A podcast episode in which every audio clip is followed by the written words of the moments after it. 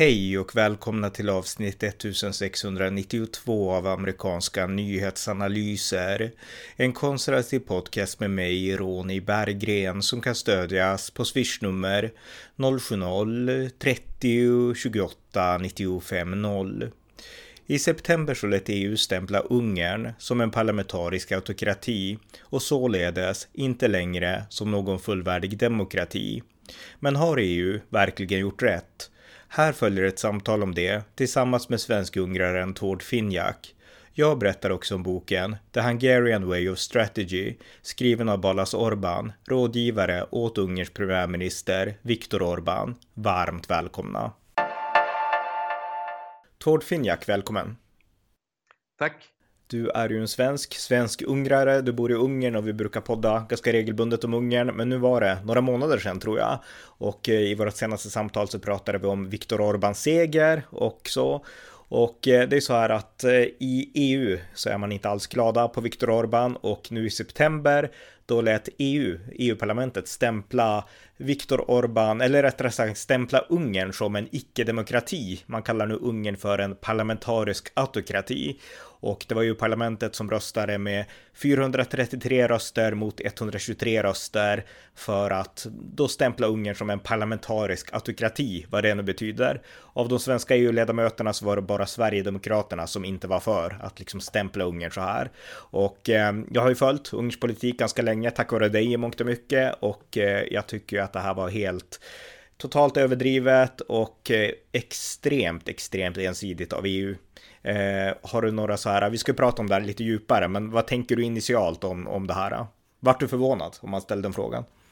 Eh, nej, jag är inte förvånad över någonting som kommer från EU nu om jag ska vara riktigt ärlig. Det, det, det, det, det är ju, alltså jag tycker, det, det, de började ju faktiskt att bråka med Ungern redan två år efter Orban eh, vann, eller Fidesz då vann valet igen. Och det, det, det, det tog alltså inte lång stund, det, tog två dagar. Och så, var de, och, och så satte vänstern igång, för det är ju vänstern där i, eh, i EU. Det, det, är de gröna och så är det liberaler och så är det eh, socialister av eh, olika grader som, som börjar. Va? Mm. Så, så det är förvånad, nej, eh, det är jag inte. Men det börjar ju bli ganska tröttsamt. Ja. Ungern är ju ganska härdade dock, alltså man vet ju att man är som du ungefär, man vet vad man kan förvänta sig av EU och man, man kör sitt eget race i alla fall och jag tycker att det är väldigt uppluftande därför att faktum är att det här är fel och jag menar om vi ska kommentera lite mer i detalj varför det här är fel, alltså vad utgår när EU gör den här omröstningen, vad utgår man ifrån då? För att vi har ju pratat många gånger tidigare om felaktiga föreställningar som finns om Ungern och verkligen brutit ner att den här kritiken är fel, det här är fel och, och så vidare. Just det här senaste beslutet, vad grundas det på något nytt, eller? Nej, det gör det inte. Utan den är, eh, eh, nu vet inte jag vad hon heter, den här eh, franska miljöpartisten. Men det är ju en fransk miljöpartist som har kommit med en rapport. Och den rapporten, eh, den rapporten är ju den samma rapport som den där holländska miljöpartisten kom med för, no för några år sedan, om du kommer ihåg. Ja, eh, jag tror vi pratade om den. Jag minns den vagt. Ja, eh, Sargentinis, eh, Sargentinis rapport. Och den är alltså baserad... Eh, Sargentini har ju, när hon skrev den rapporten, har ju själv aldrig varit i Ungern. Och det har inte den här fra, franska löken heller varit. Vet du. Utan eh, vad hon har gjort, det är att hon har tagit en rapport i stort sett som grundar sig på vad oppositionen dillar ihop, det, alltså den ungerska oppositionen. Och det är några punkter där i Sargentinis eh, rapport som eh, har stämt men också har blivit åtgärdade utav, eh, utav det, det, det, det är därför allting detta är en stor, en enda stor fars det, det, man, kommer, man kommer med samma skåpsmat som Argentina. Sen så har ju EU, eh, olika eh, EU-parlamentariker från de olika grupperna faktiskt varit i Ungern nu också och försökt att kolla upp detta. Och eh, regeringen här i Ungern har, har gett dem liksom, visst, prata med oppositionen, eh, prata, ni får prata med vem som helst. Och det, det, det, var ju en hel del av den här gruppen som bara skakade på huvudet och sa nu får det vara slut på häxjakten. Men, men det, det, det, hjälper ju inte, det hjälper inte då utan det verkar ju som den här gröna gruppen eh, ångar på som sjutton och så får, sitter liberaler och socialister och klappar händer och röstar eh, som de ska rösta helt enkelt. Mm.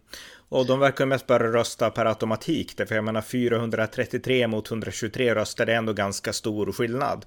Eh, så att min egen tolkning är att många av de här, eh, de följer med i ett drev. De har inte satt sig in i Ungern på riktigt, utan de, de röstar ungefär som alla andra röstar och som partigrupper tycker att de ska rösta och eh, alltså det här eh, fördömandet, det, det, det, har inte uppstått utifrån att individuella EU-parlamentariker verkligen har satt sig in i Ungern, utan man följer bara strömmen känns det som.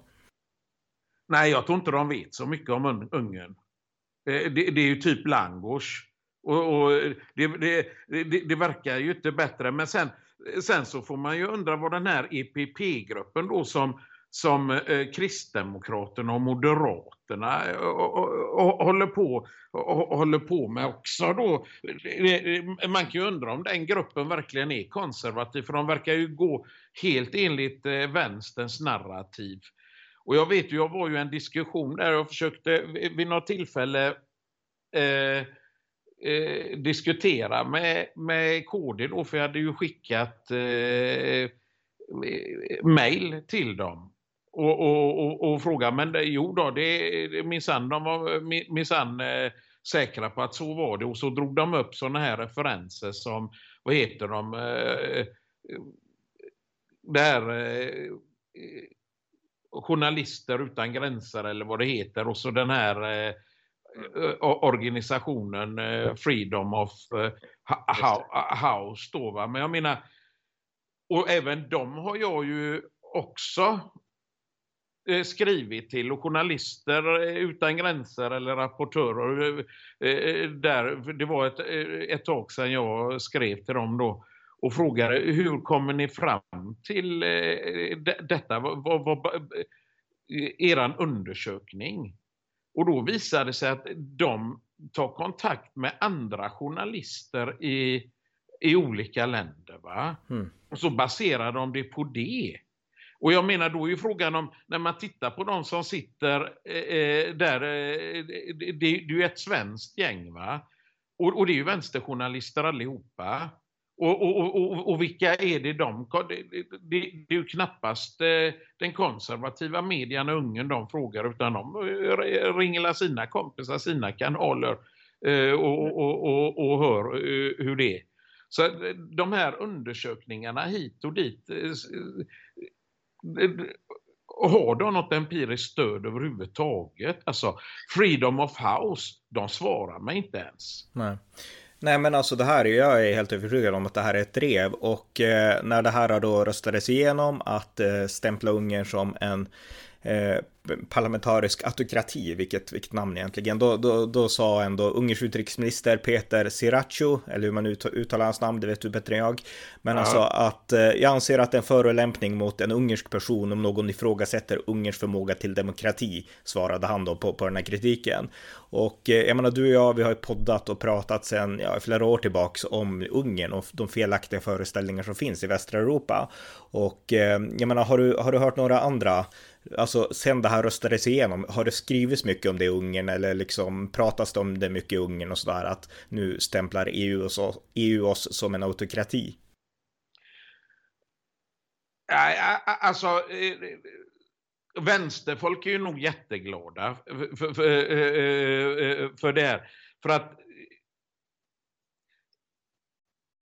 kanske inte bara skylla på EU, tror jag. Utan jag tror också att vi får lägga en ganska stor del på den ungerska oppositionen. För det, det, det, trots allt så kanske de, de, de framställer ju det så. Och, och de ligger ju spe, eh, speciellt den här Klara Dobrev då för Demokratisk koalition, en gammal kommunist. Och eh, eh är en riktig kommunistdynasti ända sedan eh, eh 50-talet. Va? Och då den här eh, vad heter hon, Catalina Che i, eh, i Momentum och även Anna Donati från Momentum. De gör ju allting för att eh, straffa sitt eget land. De vill väl använda de internationella institutionerna för att slå mot regeringen. Alltså de vill föra in internationell politik för att driva inhemsk opposition eller vad man ska säga. Ja, det är ju det de gör va. Och, och det, det, det, är ju så här, som, alltså, oppositionen har ju faktiskt inte haft en chans på fyra, eh, fyra val i rad nu. Och, och, och, de ser väl kanske att de inte har någon chans och då, och, och, och då använder de sig utav eh, EU eh, för att rassla igenom eh, eh, de här grejerna och driva på hela tiden. Och de sitter ju i de här liberala och vänstergrupperna och, och, och gröna grupper då som eh, ideologiskt sett inte tycker om eh, Fidesz. Va? Mm. Och, eh, men jag menar, väldigt många här börjar ju tröttna. Jag kan ju säga till exempel att eh, en av oppositionsledarna i EU-parlamentet, eh, Ujhej, han, sitter för eh, Socialisterna, de ingår i Socialdemokraternas grupp. Han är ju anklagad utav folket här för att vara landsförrädare. Just för att han sitter där och, och, eh, och, och säljer ut. Han har ju avgått nu vet du. Han klarar inte av det längre. Just det. Därför att det som är så oärligt med det här, jag menar det finns ju länder där det är av högsta vikt att internationella organisationer lägger sig i. Jag menar just nu så har vi Iran som slår ner hårt på sin egen befolkning och som är en, ja i princip en teokratisk maffiadiktatur. Jag menar där är det ju rätt att internationella communityt lägger sig i och liksom pressar och står upp för det eh, iranska folket som vill ha frihet. Men Ungern är inte Iran. Ungern är en fungerande demokrati, vad EU än har fått för sig. Och eh, Fidesz är ett resultat av folkviljan, den demokratiska folkviljan. Liksom Orban och Fidesz har inte tvingat sig på dig och alla andra ungrare, utan ni har röstat fram Fidesz, ni har röstat fram Orban. Så jag menar, det går inte att jämföra Ungern med Iran till exempel. Och nu gör man väl inte det liksom egentligen, men i, i praktiken så är det ju så man behandlar Ungern just nu, att det här är en illegitim regering och en illegitim regim och sådana saker genom att stämpla dem som just parlamentariska autokratier. Ja, jag skulle vilja säga att Iran var väl ganska snällt eh, behandlat fram till dess att eh, tjejerna eh, den här gången eh, eh blir arga. Och, och eh, då först, för, först går ju svenska vänsterpolitiker ut och kritiserar Iran. Det var inte mycket till kritik förra gången de gjorde det, om du kommer ihåg. Det, det, var, det var rätt bra poäng. Alltså man har gått hårdare på Ungern än man tidigare gått på Iran. Ganska ironiskt, men sant. Ja, och, och, och det, det, det, det, säger ju en hel del tycker jag, liksom om eh, deras uppfattning då. Och jag kan ju också, jag vet, du kommer ihåg när vi pratade om eh, det här med eh, när den första covidvågen kom. Mm. Ja. Och, då, och, och, och, då så, och då började du fråga mig då, hur är det? Är det så hårt och så vidare och så vidare. Så hade vi ju den podden då där jag berättade att det inte var så där hårt okej. Okay. Det, det var lite grejer då att vi inte fick gå ut på kvällen eller på natten och kvällen då för att de skulle sanera här och så vidare och så vidare. Och det var ju innan man visste egentligen vad covid var. Mm. Hur, ö, ö, och, ö, och, och, det fick ju Ungern jättemycket kritik för, för då. Va? Men sedan då så är det Eh, eh, så, så, om vi nu ska ta vad, hur Macron höll på i Frankrike. Med, med, och, och, och eh, det var ju rena terroriseringen utav folk i så fall. Liksom, jag menar, Eh, Även i England, de här stenhårda lockdowns i England och liknande. Jag, menar, jag kan påminna er som lyssnar om att som sagt, jag och Tord Finjak har poddat om Ungern i flera år och det här när vi pratar om Ungerns lockdown, det är poddavsnitt 1083 från den 20 april 2020. Och eh, lyssna gärna på det, därför att då var det också ett drev i Sverige att hitta Ungern, nu är det en totalitär stat, man gör lockdowns och så här. Eh, men stora delar av världen gjorde det och då fick inte den här kritiken. Plus att Ungern hävde den här lockdownen i praktiken väldigt snabbt och var inte alls lika hårda som Storbritannien och Frankrike och sådär. Det finns inga likheter, eller Belgien heller för den delen. Utan Ungern, alltså det var ju stor frihet där väldigt snabbt. Så att eh, det är det som, alltså man tog fasta på kritiken bara för att liksom hitta första bästa halmstrå att kunna liksom stämpla Ungern med något negativt epitet. Det var inte sakligt, precis som det inte är nu. Nej, och titta på hur Australien, eh, det är väl de som har gått hårdast fram skulle jag kunna tänka mig. Mm. Och han eh, eh, Trudeau där borta i Kanada, han har ju inte varit särskilt snäll heller liksom. Så, så, så jag menar, vi har ju varit fria, väldigt fria i, i, eh, i Ungern. När de väl fick reda på hur det var så var det ju att skydda de gamla då. Då började det lite som vi pratade om här att vi skulle gå ut att Eh, den åldersgruppen då fick gå ut den tiden och, och så vidare och så vidare. Men det, det, det det, det, har aldrig varit något, det har aldrig, all, inte ens varit tal om vaccintvång. Inte, det har inte, eh, som det är i många andra västländer, va? Att det, där har det ju faktiskt varit eh, eh tal om vaccintvång. Nu tror ju Orban på vaccinerna, men han sa ju ganska öppet, nej jag tror på vaccinerna så jag kör detta. Och de som inte tror på vaccinerna, de får eh, ja, mm. de får skylla sig själva. Om de åker på covid menar han på, va? det är upp till var och en. Så, så jag menar, man, eh, där, där har ju Ungern haft det mycket eh, lättare inte lika, jag kan nog kanske, vad det gäller lockdowns och sånt så har ju Sverige faktiskt varit eh, väldigt snällt överlag. Det har nog varit det snällaste landet kanske. Eh, så är det. Ja. Men, men, Sverige är ett land, alltså vi skilda oss från hela världen, det är det som är grejen. Jag menar, vi kan inte jämföra Ungern med Sverige, men alltså jämföra Ungern med valfritt annat land i Europa. Jag menar, Sverige var ju undantaget där mot ja. hela, hela övriga världen typ. Ja, men det var ju liksom inte så om du, du, du såg väl det till exempel i Spanien eh, så, så fort de inte hade munblöja på sig folk vet du, så gick ju de där i, eh, polisen i Spanien och misshandlade folk. Eh, till, till exempel, det, det, det har överhuvudtaget Lika, varit... Likadant i liberala delstater som New York i USA var det också så att polisen hoppade på folk som hade liksom tappat ner munskyddet och sådana saker. Så att... Ja, Ja, det, det, är rätt konstigt. Liberaler och, och vänsterfolk, de skiter på sig om någon inte har på sig munblöja, men sen så släpper de ut mördarna på gatan. Mm, lite så. Men, men det här är intressant, men alltså om vi, om vi, eller vi ska inte hålla oss till det, men alltså om vi bara konstaterar att det här, äh, när man nu stämplar Ungern som en parlamentarisk autokrati, så gör man inte det utifrån några nya liksom uppdaganden, utan det är gammal skåpmat som körs i repris och eh, sen drevas det på och EU-parlamentariker röstar utan att kunna någonting, därför att vi har gått igenom, jag kan säga till er som lyssnar att vi har som sagt gjort väldigt många poddar och jag kan dra listan här, jag skriver upp listan listan innan jag ringde dig att vårt första poddavsnitt du och jag Tord, det är från den 21 mars 2019. Ehm, Oj. Det heter Viktor Orbans Ungern är inte antisemitiskt och där går vi då emot det här narrativet om att Ungern är väldigt antisemitiskt, för det är den bilden man får här i väst och inte minst i Sverige.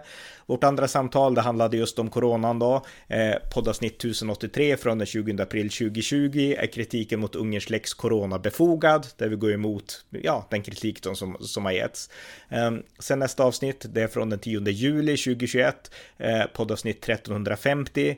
Eh, och där pratar vi om hysterin kring Ungerns antisexualpropagandalag som vi har pratat om vid senare tillfällen. Aha.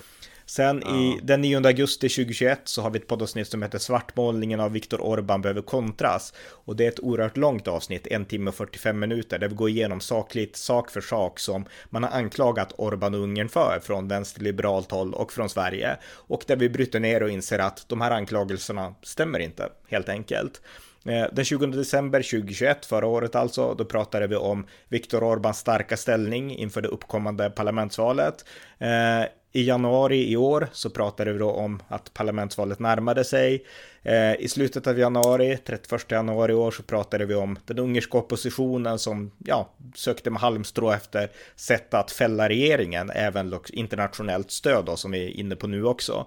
Sen pratade vi i februari om Ungerns förhållande till Ukraina, ganska komplicerat av anledningar som man måste förstå tycker jag. Eh, och sen så pratade vi den 12 april om att Ungern, eller att Orbán då vann en ny ämbetsperiod i Ungern. Så att det är de poddavsnitten vi har. Så att vill ni som lyssnar få djupare perspektiv på den felaktiga kritiken, vad den verkligen består av, då rekommenderar jag de här tidigare poddavsnitten och de finns i amerikanska nyhetsanalysers poddarkiv.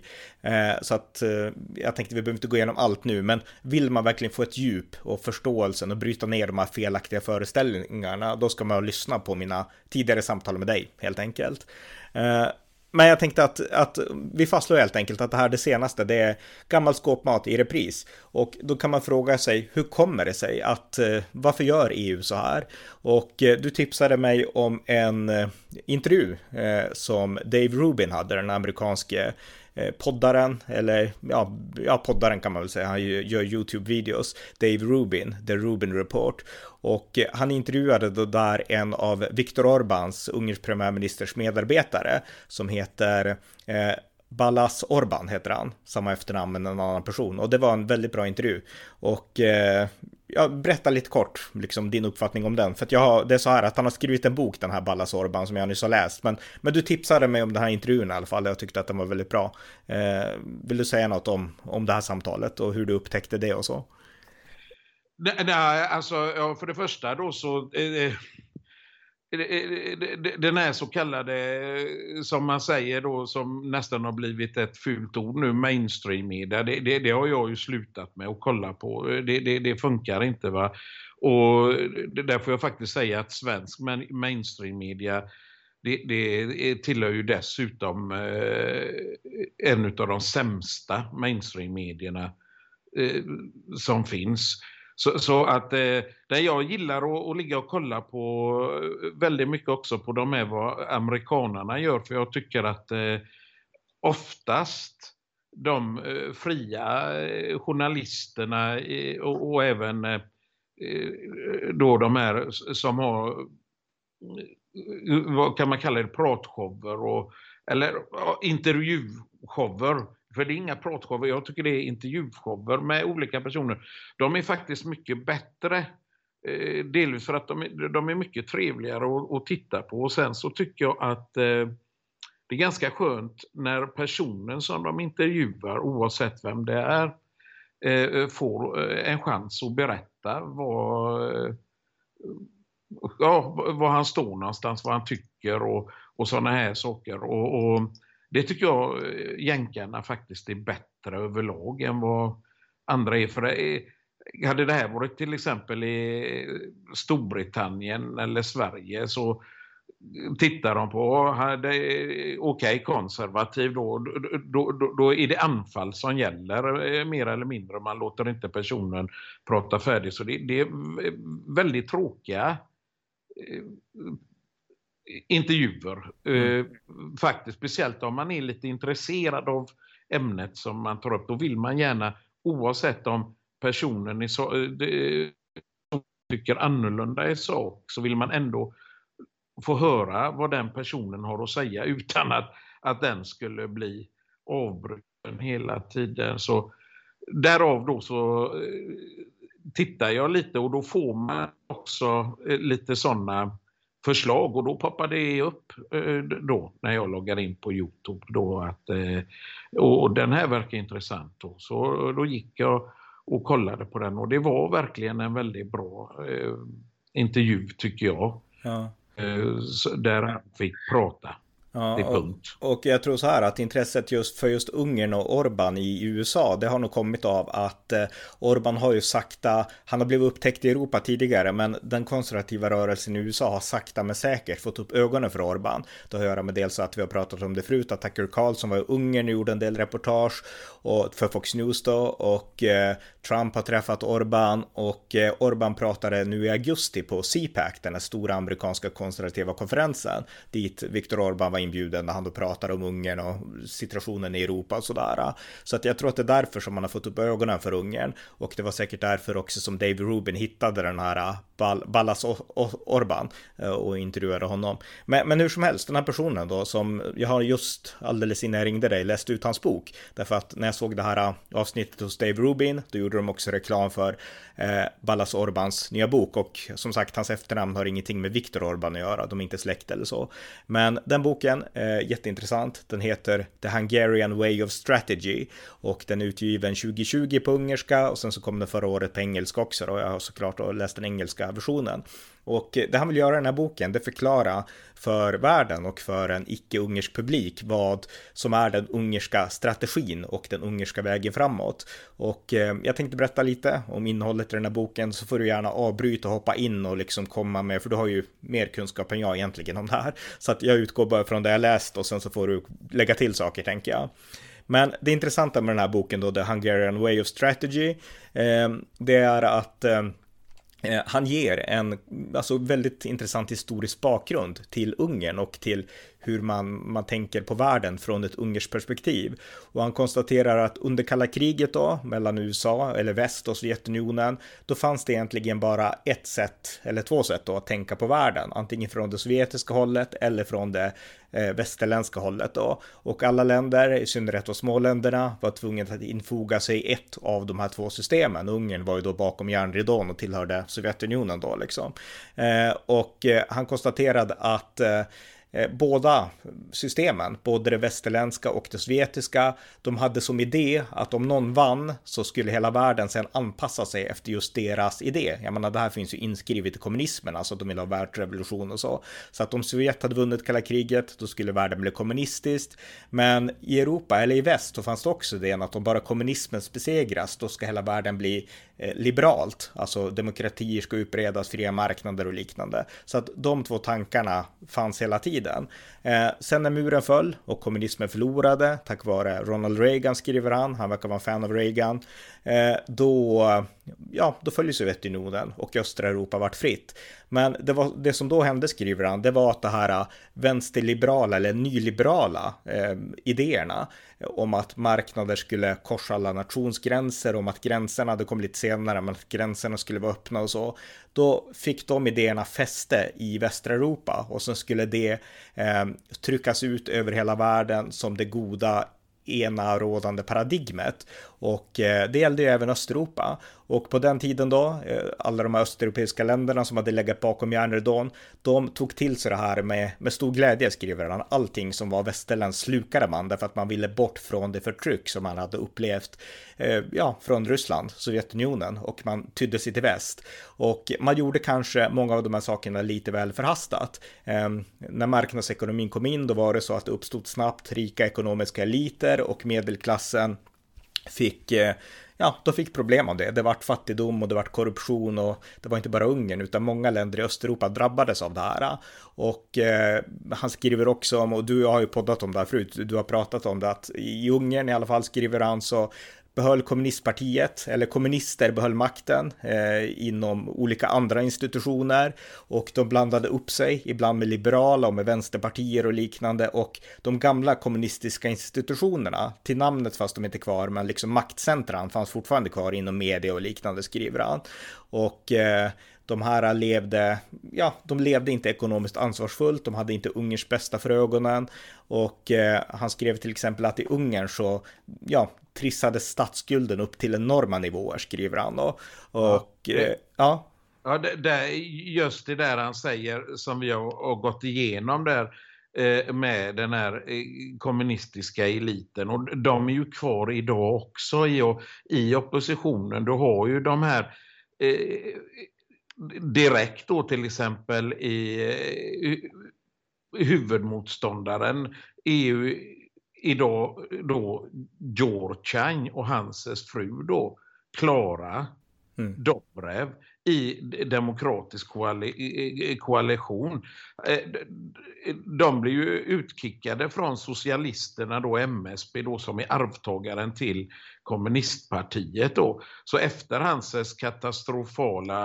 mandatperiod så blev han utkickad. Och, och, och, då, och, och då startar ju han då den här DK, Demokratisk koalition. Och det styr ju han precis eh, liksom som de gamla kommunisterna. Det är han och hans fru. Mm. Så, så det, det är ju liksom familjen. Sen så finns ju, och, och, och Georgian på 80-talet eh, eh, jobbade ju för kommunisterna. Va? Och det gjorde Dobre Klara också va? och hennes mamma innan dess. Och, och, och, hennes pappa jobbade för de bulgariska kommunisterna som vi också har pratat om då. Va? Henne, och hennes morfar eh, eh, då en eh, riktigt vidrig person som eh, Eh, som till exempel har skrivit under eh, typ en 30, 30 000 dödsdomar då för oliktänkande i Ungern och var med och, och sänkte dödsstraffåldern från 18 till 16 år bara för att man skulle kunna få då avrätta så många studenter som möjligt då som gjorde uppror 1956. Och, och, och, du har de här eh, kvar i, i, i momentum liksom så har du Andras Fekete Jörg, eh, eh, Anna Donat. Nu var ju inte de med på kommunisttiden men deras föräldrar och farföräldrar var ju väldigt var ju väldigt eh, involverade i kommunistpartiet, alltså också då tillbaka till 50-talet. Mm. Och, och, så det är ju den här gamla makteliten. Vi, vi, vi, skulle kunna sitta här och gå igenom namn för namn och hitta hur många som helst utav dem i oppositionen, fast de idag kallar sig för liberaler och vänsterpartister och socialdemokrater. Men det är alltså den gamla kommunistiska dynastin eh, i i stort sett alla partierna kan man säga. Det, det är väl då LNP-partiet då och, och som är aktivister är uppbyggd. Nu vet jag inte om det har kommit med några andra och detsamma gäller Jobbik då. De, de, eh, det var ju ett helt nytt parti då eh, när de började då och de hade ju inga gamla kommunister med vad jag vet men Eh, nu vet jag inte hur det är i, i Jobbik, jag har inte kollat upp dem så mycket. Ja, förlåt, jag bara... Ja, men det är bra, det är bra att du kommer in där, för att annars så surrar jag bara på, för jag blir så inne i liksom när jag nyss har läst boken. Men han, han, han skriver alltså att de här hade makten kvar och tydligen så har de det fortfarande då, fast de är så marginaliserade. Och folket blev less på det här. 2006 då var det en premiärminister, du kan säkert hans namn, som, som ljög inför folket och det vart massa demonstrationer. Ja, det var han George Chang. Okej. Okay. Mm. Ja. Just det. Han skriver det också och då var det, ja, då vart folket less och sen när den ekonomiska krisen kom så vart det ännu värre och det var det som bäddade för Fidesz framgångar, så folket ville ha något nytt och därför röstade man fram Fidesz. Det här var inte liksom någon statskupp utan det var demokratin i dess absolut tydligaste funktion, skriver han. Och eh, det Fidesz sen gjorde då för att styra upp ekonomin, det var den första prioriteten, det var att man införde skattesänkningar och man, eh, ja, man satsade på ekonomisk fördelning på ett bra sätt och en arbetslinje tidigare. Eftersom det var så stor kris på 90-talet så var det väldigt många som blev arbetslösa och de levde helt på bidrag och man införde en slags arbetslinje i Ungern och eh, ja, man fick in över en miljon nya arbetare så ekonomin började komma på fötter igen. Så han skriver ganska mycket hur man gjorde det. Men så, så skriver han också om motståndet man fick från EU Eh, därför att EU gillade inte Orban och eh, inte ens då. Eh, och han skriver att den enskilt eh, viktigaste orsaken till att EU inte gillade Fidesz och Orban, det var att vi pratade om värderingar. Eh, och han sa att i Europa så har det uppstått en splittring. Det har funnits två visioner för Europa. En som är driven av Robert Schumann, Jean Monnet och de här kristdemokraterna som i grund och botten bygger på att man vill se framväxten av ett Europas förenta stater där nationerna förringas och där det ska vara en alenarådande ideologi över hela Europa. Sen finns det visioner som kommer från Winston Churchill och de Gaulle i Frankrike om ett starkt Europa bestående av eh, suveräna oberoende nationalstater i samarbete men ett Europa som aldrig återigen ska kunna bli ett imperium. Eh, så att det är de två visionerna som på något sätt eh, splittrar liksom synen på Europa. Och han sa att Ungern, speciellt under Orban, vi anslöt oss tydligt till den här eh, Churchill-versionen då, att vi ska vara en enskilt oberoende nation som står på egna ben. Och eh, det fanns andra krafter som hade en annan vision, EU-federalisterna. Och eh, när vi började prata om värderingar så framkom det ganska tydligt att deras värderingar. Det handlar om öppna gränser, det handlar liksom om att bryta ner kärnfamiljen, det handlar om att bryta ner kristendomen, det får man inte prata om. Och därför uppstod det en, en friktion mellan Ungern och liksom EU-eliten om man säger så. Och därifrån hör, härrör allt annat när EU vill, alltså man, som jag sa tidigare, man greppar efter första bästa halmstrå för att svärta ner Ungern. Så att det är rätt intressant att han spårar det till det. Sen fortsätter han att skriva om att 2011 så införde Ungern sin konstitution, Basic Law på engelska, du kan säkert berätta mer om den än jag. Men där så fastslår också Ungern att eh, ja, vi, vi ska verka för att vi ska vara nationellt oberoende. Vi ska verka för vår historiska tradition av kristendom, familjer och liknande och ett starkt civilsamhälle och eh, naturligtvis demokratiska principer och sådär. Men eh, det skars också med EU. Han skriver också att det här var intressant därför att det var ju Fidesz som, under Fidesz som den här konstitutionen tillkom och i många andra före detta kommunistländer då hade man långt tidigare kunnat införa liksom bryta med kommunismen genom att skriva en ny konstitution. Men i Ungern hade det inte gått på grund av de här gamla partierna. Eh, du kanske kan kommentera det för det tyckte jag var intressant. Ja, nej men eh, det, det, det är det ju det, det, var ju mycket som ändrade sig där eh, också då. Det, det, det, du kanske kommer till det med, med domstolen och det som också inne äh, hades utav äh, äh, gamla, gamla kommunister. Och det, det, men det är ju också det lite som vi också varit inne på vid något, vid något poddavsnitt tycker jag att, att jag tycker det är väldigt kon, konstigt och även olyckligt att EU inte tillåter till exempel då Ungern att göra upp med de här gamla kommunisterna som faktiskt har gjort, eh, gjort människor väldigt illa. Och, och, sen så blir jag ju också då väldigt, alltså typ det här med att man vill bevara familjen och, och sådana här saker. Det har ju blivit ett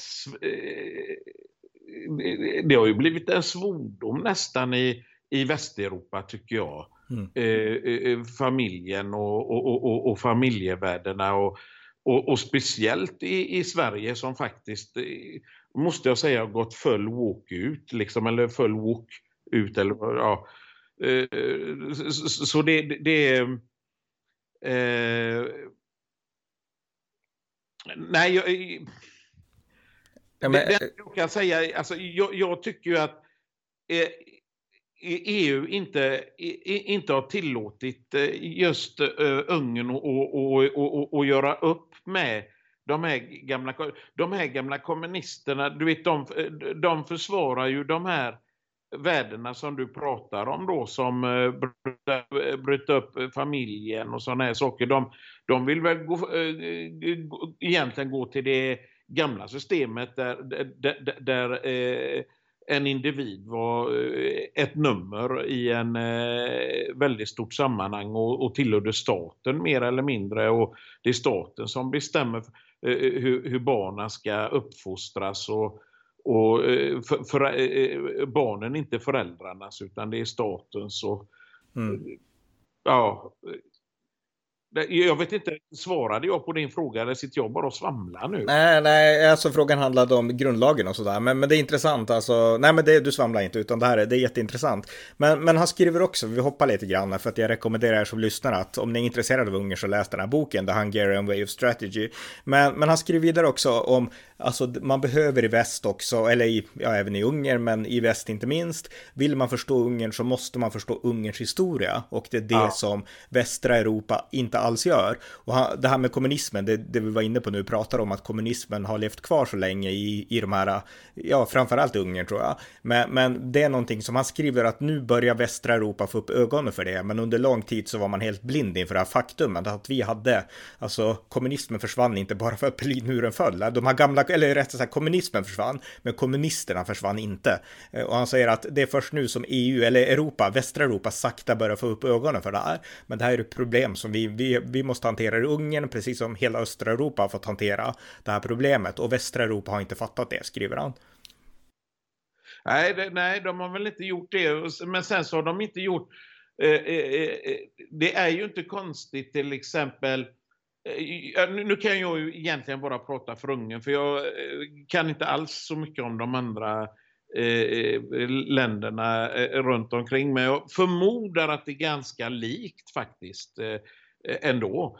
Men eh, det, det, det som Ta det här som att, om att nationen är väldigt, eh, är väldigt viktig. Kulturen och historien är, är, är väldigt eh, viktig. Det får man också se ur det perspektivet att när det var eh, kommunism här, va?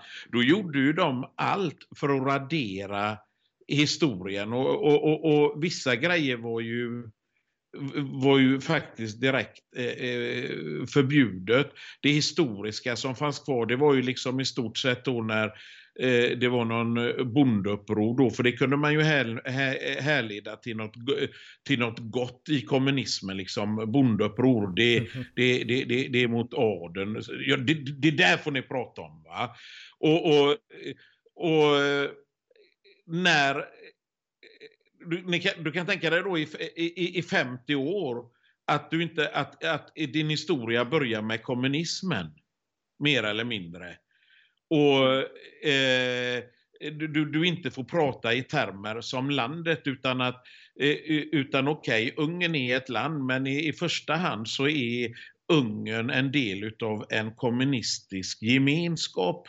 Mm. Och det här, det här är intressant, därför att därför, du påminner mig om en sak som han skriver. Han skriver att det som var så intressant, det var att vi visste ju hur kommunisterna hade behandlat oss i Ungern. Vi fick inte prata om vår historia och eh, historien skulle nollställas och den var väldigt linjär, historieskrivningen, den var utopisk. Vi skulle nå liksom det utopiska kommunistiska paradiset. Sen föll muren, vi vart fria från kommunismen, vi vart jätteglada och så märkte vi att det fanns tendenser, alltså inte hela Västeuropa, men det fanns tendenser som fick fäste i västra Europa som var lika linjär i sin historieskrivning som kommunismen hade varit. Alltså man har en vision av en framtid med bara demokratier, liberalism och sådana saker och det är en bra vision såklart. Men liksom man skulle påtvinga det exakta tänkandet som rotade sig i väst skulle påtvingas också öst och då insåg vi att den här äh, absolutismen, linjära historieskrivningen, den kom inte bara från öster, den kom från väster också. Och det här är alltså inte att han liksom är emot liberala demokratier som sådana, utan han är emot de här tendenserna som finns att påtvinga varenda västerländsk, inte ens värdering, utan trend på öst. Därför att han konstaterar att mycket av de här narrativen som finns i väst idag, som handlar om att bryta ner kärnfamiljen, som handlar om att bryta ner den nationella identiteten genom att tro på massinvandring. Eh, det är någonting som folken i västra Europa inte har valt, skriver han. Och man, utan det har liksom pådyvlats folken i västra Europa över deras huvuden. Och de har inte haft politiker som har värnat deras egna intressen. Medan vi i östra Europa haft det, därför att vi har erfarenheten av att bli på, påpressade saker av andra, liksom internationella makter. Och vi minns kommunismen på ett, vi vet vad förtryck innebär ungefär. Eh, ja. I västra Europa vet man inte det och det är därför man har på något sätt låtit politiker börja driva narrativ över folkets huvuden. Och han sa två tecken på att det verkligen är så. Det är dels Brexit, eh, eh när Storbritannien lämnade EU, och dels så Donald Trumps seger 2016. Därför att båda de här eh, ja, valresultaten, det var folkviljan i västerländska länder som reagerade på att de här narrativen har tryckts på dem också. Och det visar att de, de valen visar, menar han, att eh, alltså att väst har länge, västra Europa framförallt, men även USA, har länge bara låtit de här narrativen köras ner i dem, eh, vilket vi i östra Europa aldrig har gjort. Men, men nu börjar även man i västra Europa reagera. Så han konstaterar att det här är inget naturligt, de här tankarna i västra Europa heller. Det har inte sprungit ur folket, utan det har kommit från ja, akademiska teorier och en global elit ungefär. Och västra Europa ja, har köpt det här, vi har inte köpt det. Nej, nej. Det, det, eh, det, det, är ju eh, mycket intressant. Eh, sen också just det här med att om, om du tar, och det tror jag också är en viktig del i just kanske den att jag kan tycka kanske att det var för tidigt också för till exempel Ungern och tjeckerna och slovakerna och polackerna att gå in i EU när man har facit i hand. Va? För att, eh, i, i och med den här bakgrunden, om vi går tillbaka till det hur, hur, kommunismen har, har, har försökt att och, och, och, sudda ut eh, eh, De nationella identiteterna. Eh, de nationella och kulturella identiteterna och sådana här saker. När de här länderna sen blir fria, då börjar ju ett sökande efter sin egen identitet. Och då får ju de här länderna, de, de får ju leta eh, så gott det går före andra världskriget i stort sett. Va? Mm. Och då kanske inte det passar in på många, det kanske inte passar in sådär jättemycket då kanske på, eh, eh, på, på till exempel tjecker och slovaker då som ingick i Österrike, Ungern till exempel. Nej. Så de kanske får gå så, så, så de här eh, länderna eh, de här länderna har ju liksom eh, eh, blivit eh, vilsna i sin, egen, i, i, i, sin egen identitet. Och de, de, har försökt hitta sin e, egen identitet och, och, och, och, och då ligger västländerna på en helt annan tanke, på ett helt annat tankegods, en helt annan nivå kanske, eh, eh, som har då frodats faktiskt i eh, demokratier och, och, och sådana här saker de flesta västländerna, även om man är utan att nämna något, försöker, vissa partier försöker radera historien i, i, mm. i sina egna länder, så har, har, de ändå haft sin identitet för att de ändå svenskar har ändå kunnat identifiera sig med svenskar även om det finns många som vill förneka den Ja men man kan säga så här att vi, Sverige, men Sverige, så här är det ju, alltså han skriver också så här att, han skriver exakt det du sa nu, alltså att vi är inne i ett sökande för att hitta vår identitet. Och det är därför boken heter som den heter, The Hungarian Way of Strategy, för att hitta liksom, ja, vart är våran plats i allt det här? Nu, förut hade vi kommunismen och sen hade vi dryga tio år av liksom där vi bara köpte allt som var europeiskt och allt som var västerländskt för vi ville bort från Ryssland.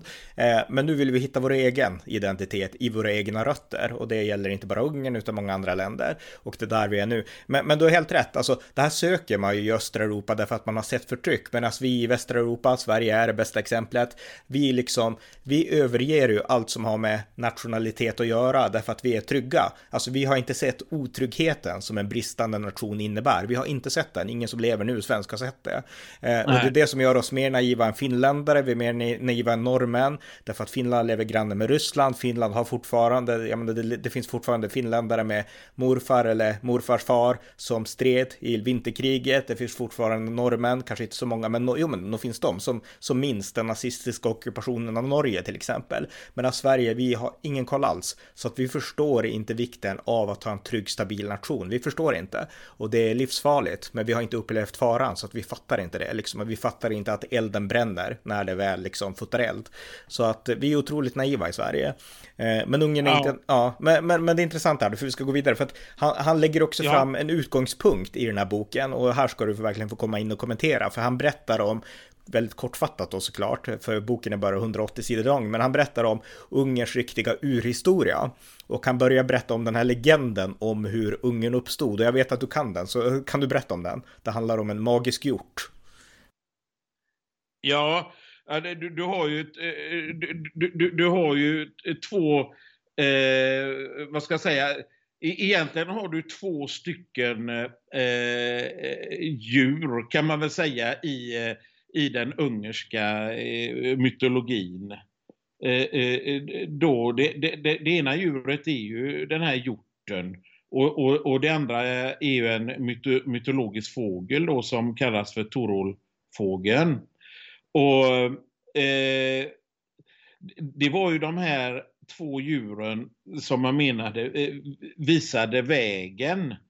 Eh, för Ungern härstammar ju, det är ju ett nomadfolk då som kommer från den eh, euroasiska eh, steppen och det var ju inte under den tiden så hade ju Europa redan format sig kan man säga i kungadömen och, och och, och de e-, e-, europeiska folken, de var ju, de var ju eh, det var ju bondesamhälle, medan ungrarna levde i ett nomadsamhälle så att säga och de var jämt på eh, eh, flyttande eh, fot. Och, och, och, då var det ju väldigt viktigt att, att eh, ha en vägvisare eh, då. Va? Och då är det ju de här två stycken eh, eh, djuren då som Eh, eh, som eh, visar vägen. Och det börjar väl egentligen med det, de här två syskonen Hogor och Magor. Där som, som följer Torolfågeln och, eh, och, och, och, och hjorten som ska visa vägen då. Och det, och det som händer är att de här två bröderna, och Hunor och Magyar, de följer de här från de asiatiska stäpperna och så kommer de till bergen, till karapaterna och där slår de sig ner och det blir dagens Ungern. Så går mytologin. Ja, ja, ja, och, och, och eh, precis. Och då eh, eh, eh först eh, slog de sig ner i, faktiskt vid Svarta havet där. Eh, i, eh, nu ska vi se vad det heter, Ethelhas eller eh, något sånt där kallas det för i Ungern. Det är Volga, det är floden Volga som, är, eh, som är Ethel, eh, e, e, Ethelhas då. Eh, eh, eh, så på slaviska så är det floden Volga och då bodde, då var de i två grupper en grupp som bodde alldeles vid Svarta havet och så bodde en grupp majorer ovanför. Och den gruppen på andra sidan av Volga bodde bulgarerna. Vet du.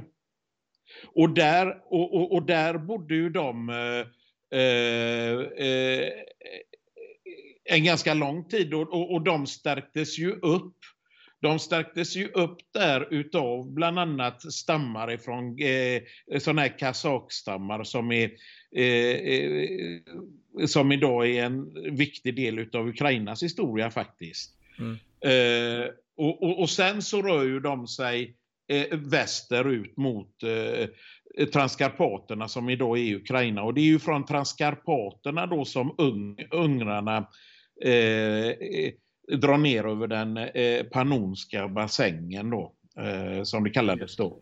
Ja, intressant. Så... Och det här det är jättespännande. Och han fortsätter sen då att förklara att den moderna, eller staten, den ungerska staten, den skapades av en munk som heter Sankt Steven. Eller jag vet inte vad han heter på ungerska, men vad heter han på ungerska om du vet det? Men... Eh, han var kung. Ja, just det, precis. Han, var, precis, han blev ju kung där och i Ungerns första kung. Och han införde ja. västerländsk kristendom i Ungern. Jag antar att det var romersk katolicism då som, som avses. Jag läste bara Western Christianity i boken. Och eh, kristendomen blev en enande faktor för den ungerska staten, skriver han. Och Ungern utvecklades till en modern stat och det blev den kanske mest moderna staten i hela Europa under högmedeltiden, skriver han. Ja, och, men, mm, mm. men där får jag nästan komma in lite för han missar väldigt mycket. För just det här är ju väldigt intressant när du kollar på ungersk historia. Va? För det var inte säkert att Ungern skulle bli eh, eh romersk-katolsk. För att Eh, när ungrarna kom in, nu, nu ligger jag ju innan eh, Sankt Stefan då, eller Sankt Istvan, och eh, eh, pratar om eh, eh, eh, eh när de ja, var, var hedningar. Så eh, nu ska jag se, så, så inte jag säger fel, det var kung Gesa, tror jag, som började med eh, kristendomen. Jag kan ha fel där, för jag kan blanda ihop lite, men det är på 800-talet. Och de som först missionerade i, i Ungern, kristendomen, det, det kom ju från eh, Bysantinska riket, va? det var ortodoxer. Mm. Mm.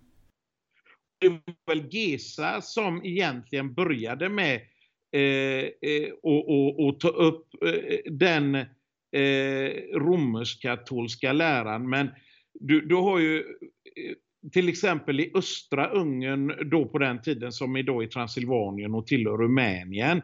Där hade du, och även södra Ungern, där hade du väldigt många som ville eh, eh, eh ville eh, gå över till, eller vara den ortodoxa eh, historien. Och just det här Arpadhuset då som man kallar för det, Eh, eh, det är ju dynastin Arpa, det är ju det för, eh, första eh, kunga, kungahuset i Ungern.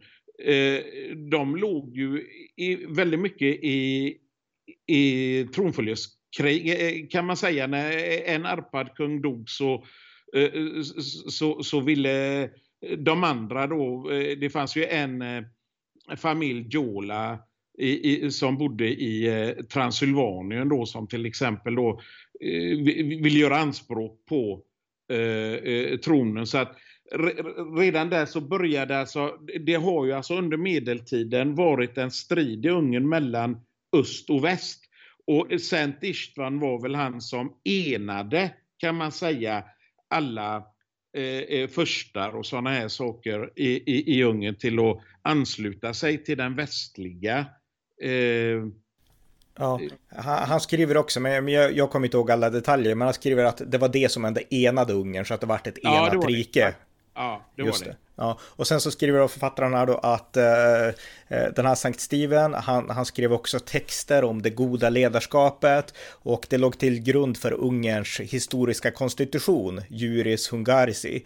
Eh, och ungefär samtidigt, 1222, och det var ungefär samtidigt som Magna Carta skrevs i Storbritannien och det här unika dokumentet om frihet då, då skapades ett socialt kontrakt i Ungern, den gyllene bullan som man säger på svenska då, och det gav rättigheter mellan adeln och kungen och man delade makten och ehm, det, det, gjorde att Ungern blev ett land med ett starkt centralstyre men samtidigt i kombination med stark autonomi, autonomi för de lokala liksom, eh, ja, härskarna och folken och sådär. Och eh, han skrev också att en intressant sak som sen följde Ungern, det var att man delade upp, alltså i, i Ungern så var monarken inte absolut. Jag menar här i, i Sverige så driver man oftast med liksom de här, vi har den här socialistiska bilden av monarkin, alltså att kungen är gudsmord och så här, men han sa att i Ungern var det inte så, utan där var det Styrkan och makten, den låg i monarken, inte i personen kungen. Och en kung, när det vart en ny kung i Ungern, då var det så här att det, den, för att det skulle vara en legitim kung så måste han vara liksom trogen kronan. Och kronan, det var alltså ett, där, där var makten delad mellan kungen, personen kungen, rådgivare och folk från adeln och liknande. Så att det var liksom inte en absolut gudsmoder, liksom monark på det sättet, vilket det var på många andra håll i Europa, men inte i Ungern. Utan hade man kronan så innebar det att man accepterade eh, kronans ansvar och sådana saker. Så att det var knutet liksom kungamakten, eller rättare sagt monarkin i Ungern var knutet till kronan, inte till personen kungen. Det tyckte jag var rätt intressant. Så att han säger att det fanns en maktdelningsprincip där som sen blev modern i liksom med upplysningen och sådär i hela Europa. Men den fanns i Ungern långt tidigare. Det tyckte jag var intressant. Mm. Och eh, sen fortsätter han då att att Ungern hade liksom en gyllene tid och det gick väldigt bra för Ungern. Men sen så, ja, hände det som hände många andra. Ottomanerna, det här nya starka muslimska imperiet, började invadera och Ungern stod på sig länge. Men 1526, då förlorade man ett viktigt slag, det ödesdigra slaget vid Mohacs. Jag vet inte om du känner till det? Ja, Mohacs, det är inte långt, det är inte så himla långt härifrån där jag bor faktiskt. Okej, okay, okej. Okay. Och där förlorade man stort och sen så 1541 ockuperade ottomanerna Buda. Det är väl det som varit Budapest sen då antar jag. Ja, ja, eh, eh, eh ja eh, Buddha är ju en del och Pest är ju den andra. Hmm. Okej, okay, okej. Okay. Ja, ja. ja. Så, så, så, det är ju egentligen två städer från början. Ja, ja, men sen har de växt ihop nu då till en modern storstad. Okej. Okay. Ja. Just det. Och han skriver då att det som hände då, det var att ottomanerna, det fanns ett stort bibliotek i Buda, Biblioteka Corvinia, och det förstördes och ottomanerna tog dokument och förde dem till Istanbul. Och eh, den ungerska administrationen fick fly ute i periferin till bergen och sådär. Och eh, det som hände då, förutom att ottomanerna ockuperade, det var att nordvästra Ungern, det var inkorporerat av det här växande Habsburgska riket, det är väl Österrike då, som liksom ja. gjorde det man kunde för att stjäla mark då från Ungern. Och eh, man upplevde både ottomanerna och ockupationen då från Habsburgska riket. Sen efter 150 år, då beslöt sig påven Innocentius den elfte för att nu måste vi kasta ut ottomanerna, så han byggde upp den heliga ligan och eh, till den anslöt, alltså en armé, och till den anslöt sig väldigt många ungrare för att kasta ut ottomanerna. Och det lyckades, man lyckades driva bort ottomanerna, men det innebar inte att man varit fria, utan Habsburgska riket fortsatte ta mark i Ungern och eh, därefter så har Ungerns historia egentligen präglats av frihetssträvan, frihetskamp, frihetssträvan.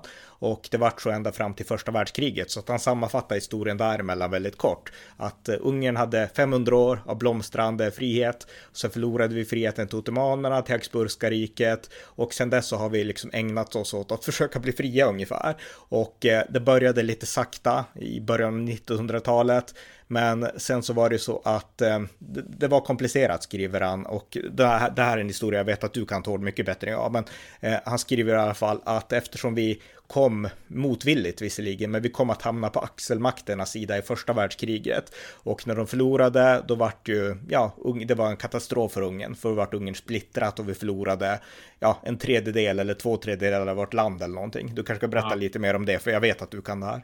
Ja, ja, nej men eh, det, det, var, men då var det ju, då var det ju dubbelmonarkin Österrike-Ungern. Va? Och, och, och Österrike-Ungern hade ju två parlament. Du hade ju ett i Wien och ett i, i eh, Budapest. Och det, här, här rör det från Habsburgska riket på något sätt? Alltså just att det vart så här dubbelt? Ja, ja. Alltså grejen, grejen är den att om, om folk eh, ska Eh, få en inblick. Egentligen så, så ja, det, om vi går till det österrikiska tronföljdeskriget Maria Theresia innan Maria Theresia blev drottning. Och då var det ju så här att... Eh, att När var det då?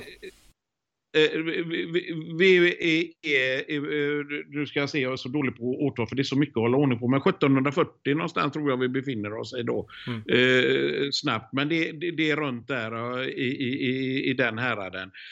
Och eh, när, eh, när kejsaren eh, dog där, då var det bara Maria Theresia som kunde bli drottning.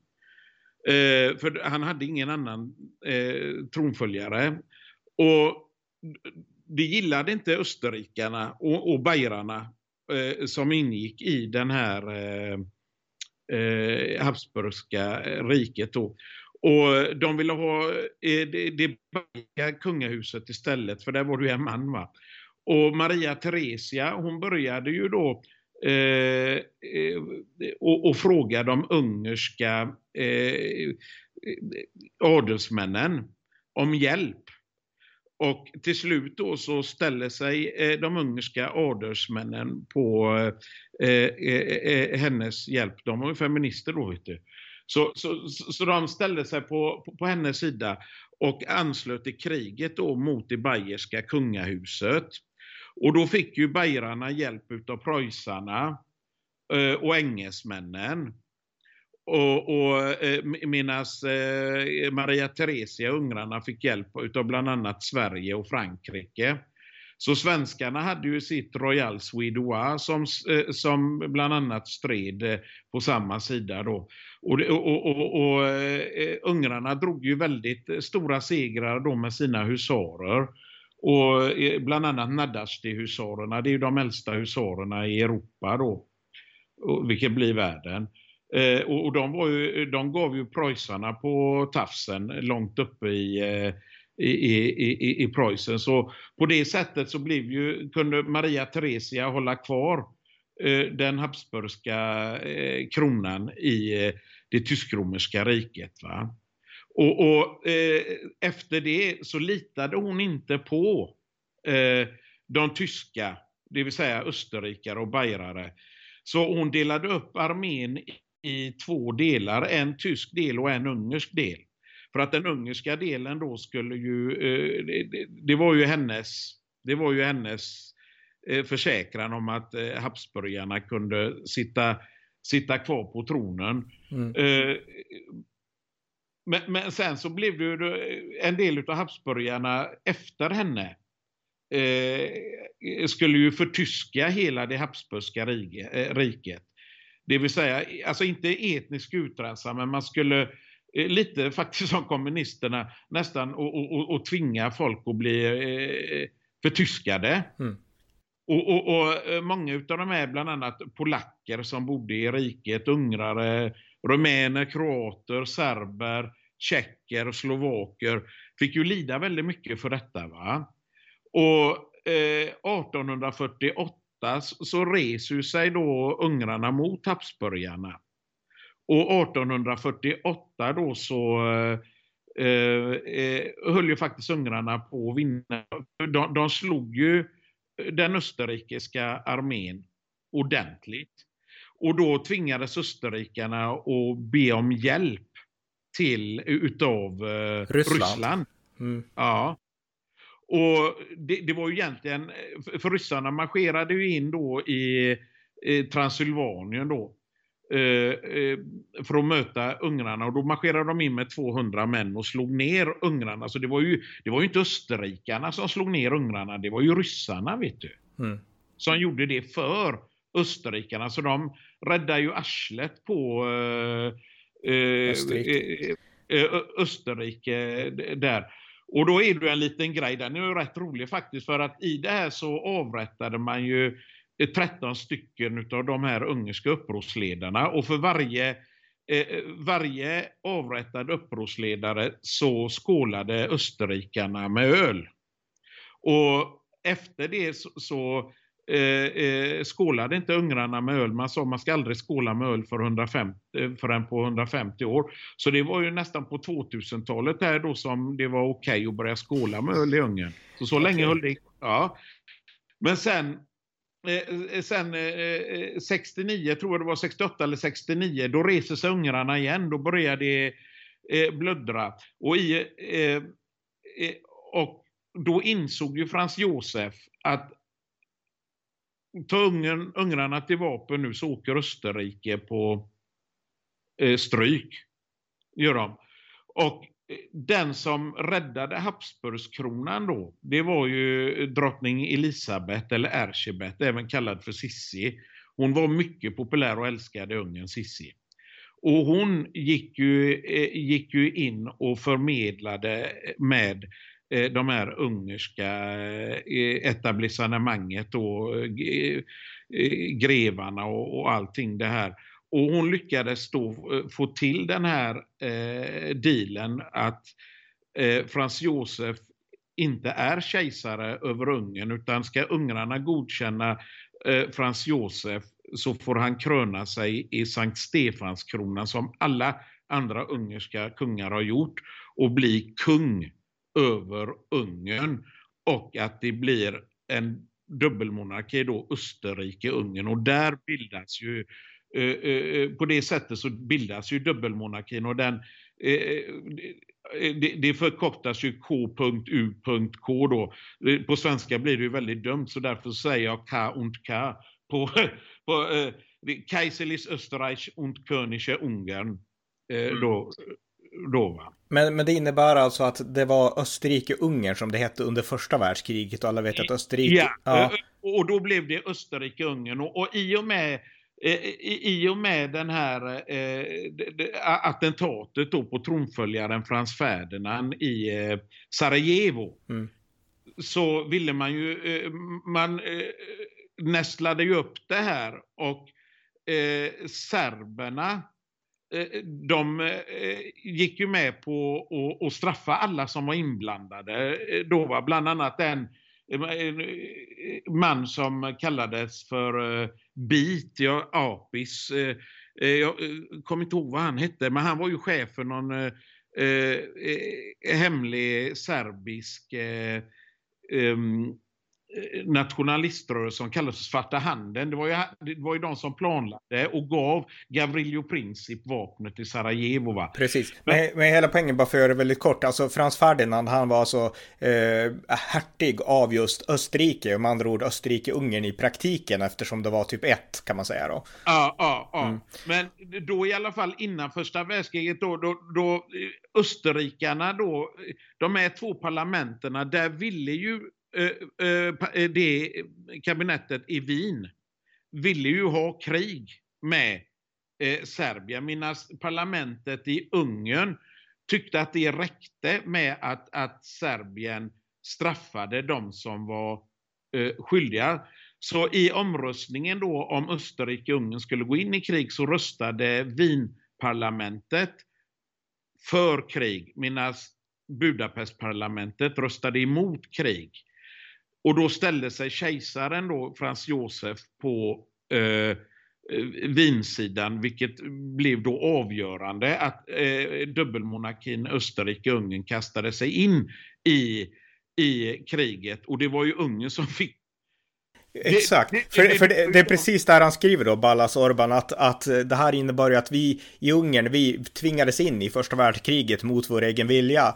Och när då vi hamnade på förlorarsidan, för det gjorde vi verkligen, då var det ju det här fredsavtalet då 1920 i, i Trianon. Trianon och ja. där, fick vi, där vart vi straffade, trots att vi inte ville ha det här kriget, så vart vi straffade och eh, man gav bort en, tre, alltså en tredjedel av vårt land av Ungern, det gavs till andra folk, skriver han. Ja, ja, och Österrike blev ju inte... Eh, och, och det, det, det, det, är ju det här, eh, det helt otroliga kommer då, att Österrike fick ju hela Burgenland utav Ungern.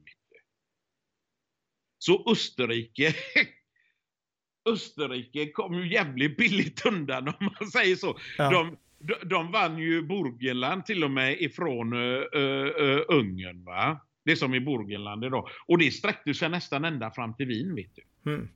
Ja, intressant. Och han skriver också att det här, just uppstyckningen av Ungern, det, det, hade, det, kan man också härleda lite grann till ottomanerna, därför att han skriver, och det här har inte med rasism att göra, men att Ungern har historiskt, precis som Sverige, varit väldigt homogent och även etniskt homogent.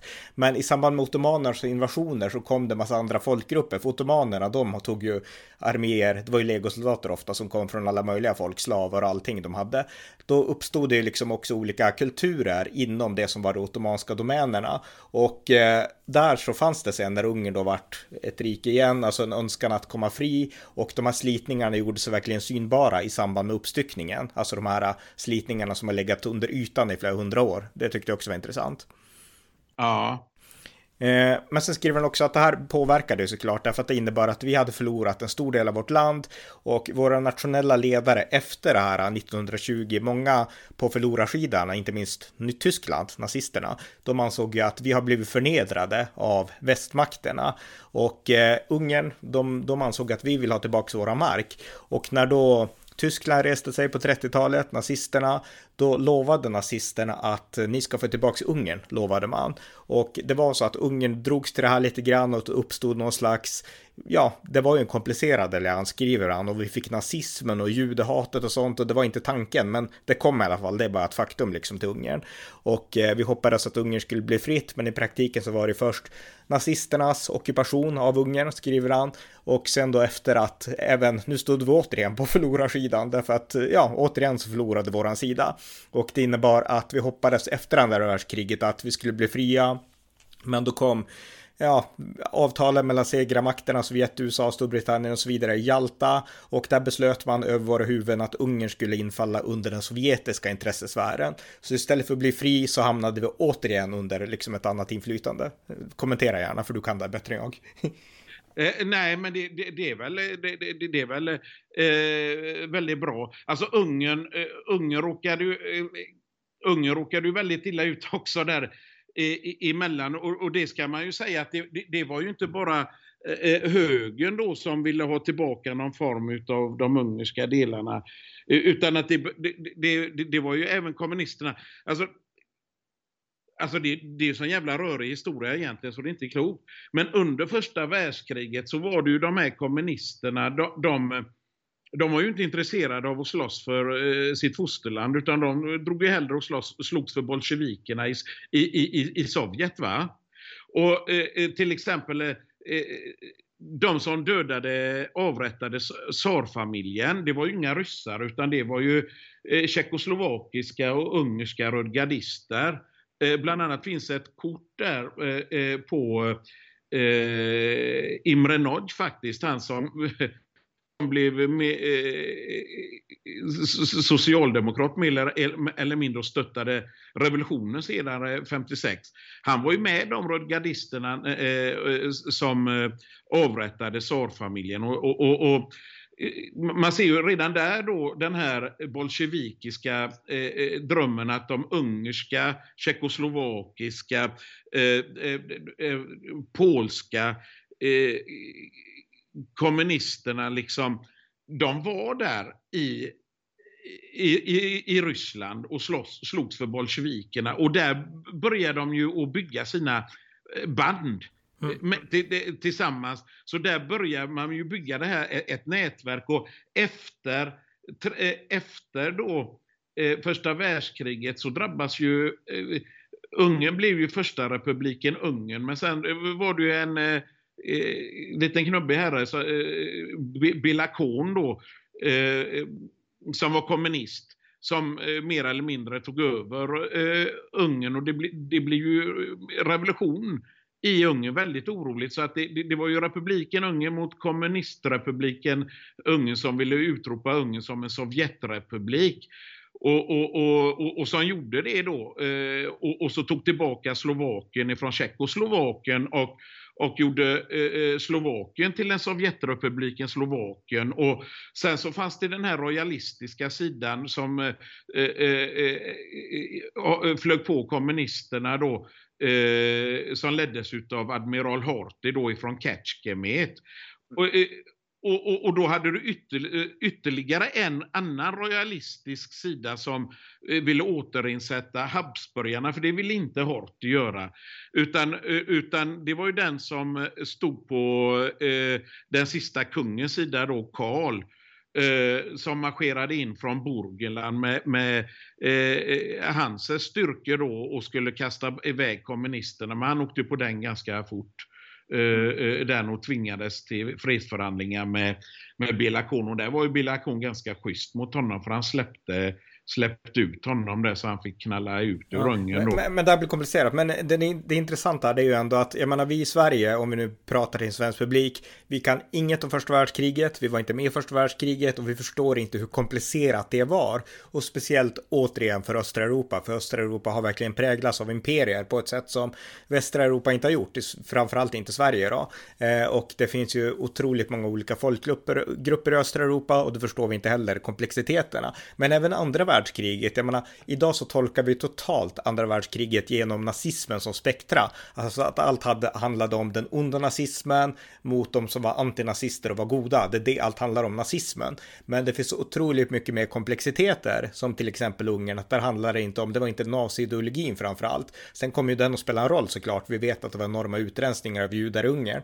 Men, men liksom... Det ja, handlar, 44. Ja, Ja, 44 och, och där är det ju väldigt många också okunnighet i Sverige för man lastar ju eh, eh, eh, Horthy för det. För han blev ju, Horthy blev ju eh, innan kriget, efter Trianon, så var det ju Nationernas förbund som faktiskt satte också och godkände Horthy på makten, eh, som makten över Ungern. För man, Eh, eh, eh när man hade kört ut kommunisterna och Bilakon som drog iväg eh, till Moskva då, fortare än fan visste av det, vet du.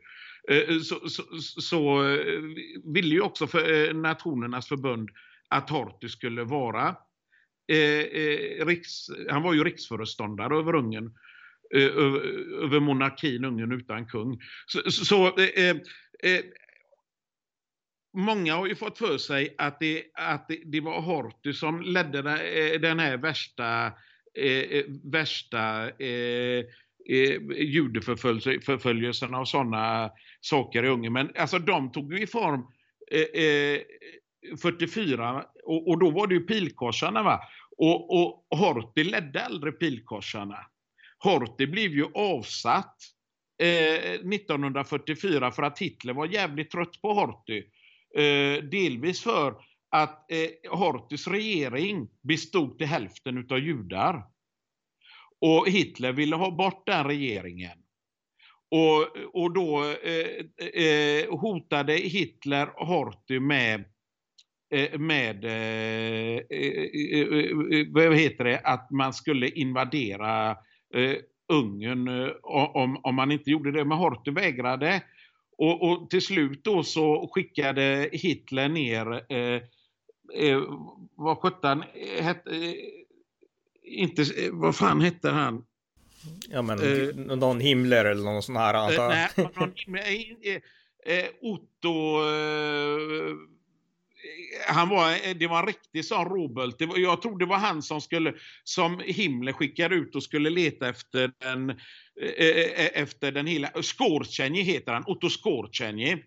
Det, det, var en sån riktig Robult liksom som eh, skickades in eh, när det skulle göra, göras något eh, otäckt jobb.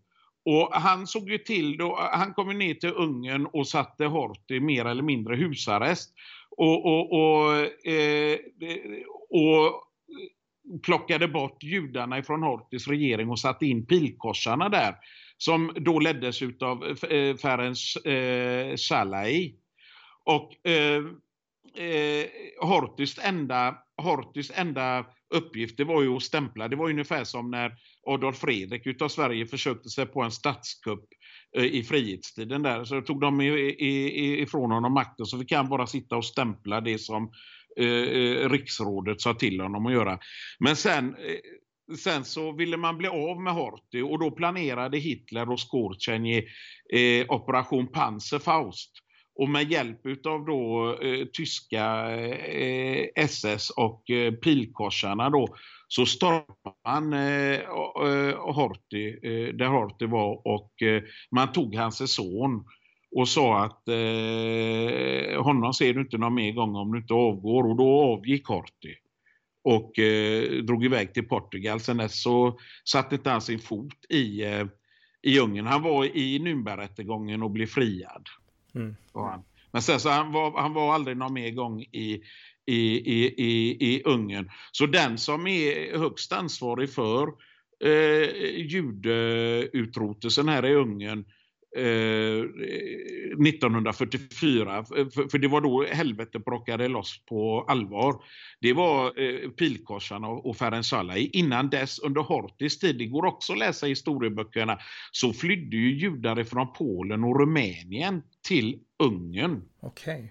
Så att, så att judehatet, det var inte liksom ingrodd antisemitism i Ungern i första hand, för det är ju så i andra vissa östeuropeiska länder, utan det kom liksom, det var ideologin som pressades på uppifrån. Var det så i mångt och mycket? Och var, ja.